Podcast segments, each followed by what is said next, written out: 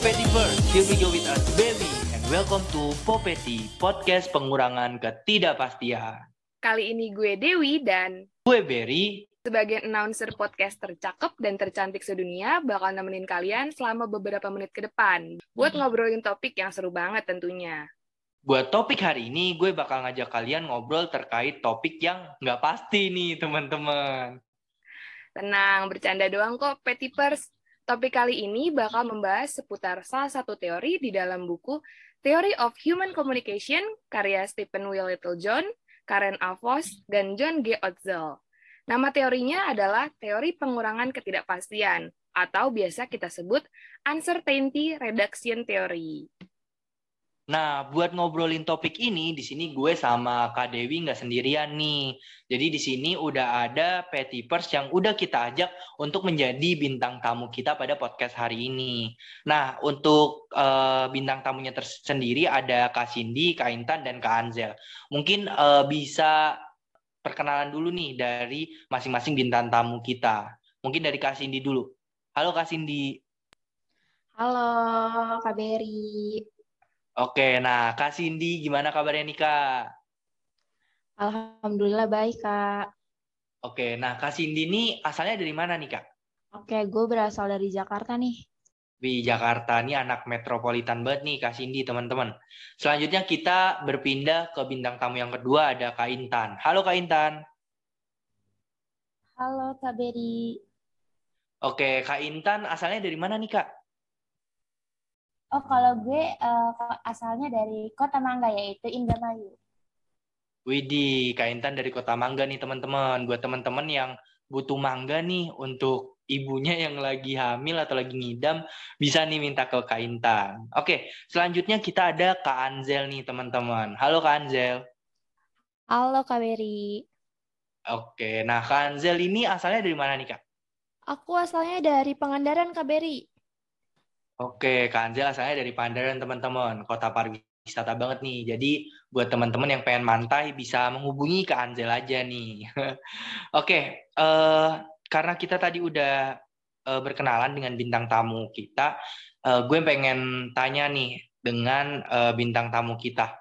Kira-kira eh, sudah siap belum nih untuk mendengarkan atau berbincang mengenai teori yang akan kita bahas pada hari ini? Mungkin bisa dijawab oleh Kak Intan. Gimana Kak? Apakah udah siap untuk mendengarkan pembahasannya? Pasti siap banget sih, Kak. Oke, tanpa basa-basi kita bakal langsung aja ke pembahasannya. Oke, karena tadi kita udah kenalan sama bintang tamu kita, sekarang waktunya kita move on ke topik podcast. Nah, kira-kira teman-teman udah pada tahu belum nih tentang teori pengurangan ketidakpastian? Buat teman-teman yang belum tahu terkait teori pengurangan ketidakpastian ini, eh, bakal kita kasih tahu nih. Jadi, teori pengurangan ketidakpastian ini merupakan sebuah teori yang membahas proses bagaimana kita memperoleh informasi atau pengetahuan dan mengurangi ketidakpastian tentunya. Nah, tokoh yang mencetuskan teori ini adalah Charles Berger dan teman-temannya pada tahun 1975, yang kemudian memfokuskannya pada studi komunikasi interpersonal. Di dalam teori ini juga terdapat tiga strategi untuk mengurangi ketidakpastian. Yang pertama ada strategi pasif, yaitu dengan melakukan pengamatan atau reactivity searching. Yang kedua ada strategi aktif, yaitu dengan menanyakan secara langsung dengan orang lain yang memiliki hubungan dengan target komunikasi kita.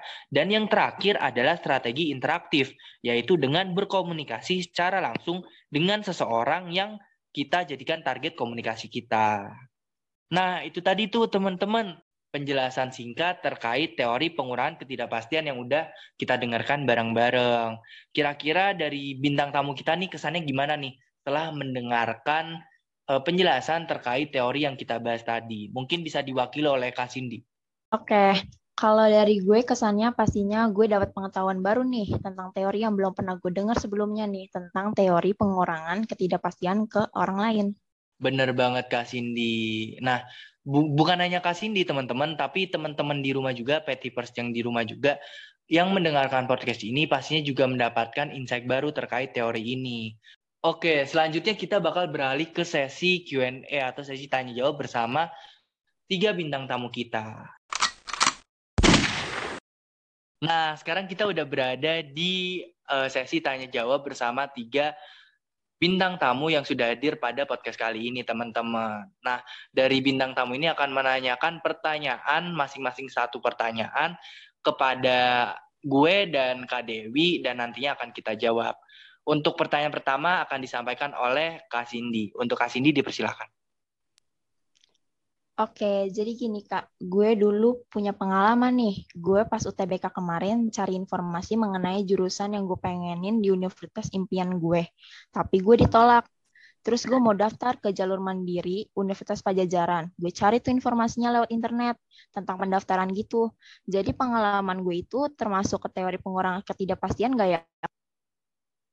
Oke, untuk pertanyaan Kak, In, Kak Cindy ini akan dijawab oleh Kak Dewi ya, teman-teman Petipers di rumah. Jadi untuk Kak Dewi dipersilahkan. Terima kasih. Nah, betul sekali Kak Cindy, pengalaman kakak ini termasuk ke dalam teori pengurangan ketidakpastian yang masuk ke strategi pasif. Karena Kak Cindy hanya mencari kepastian dengan melakukan pengamatan melalui reactivity searching. Bagaimana jawabannya Kak? Puas nggak? Wah, sangat memuaskan sekali, Kak. Terima kasih, Kak Dewi, atas jawabannya. Sama-sama. Oke, selanjutnya kita akan beralih ke bintang tamu yang kedua nih, teman-teman.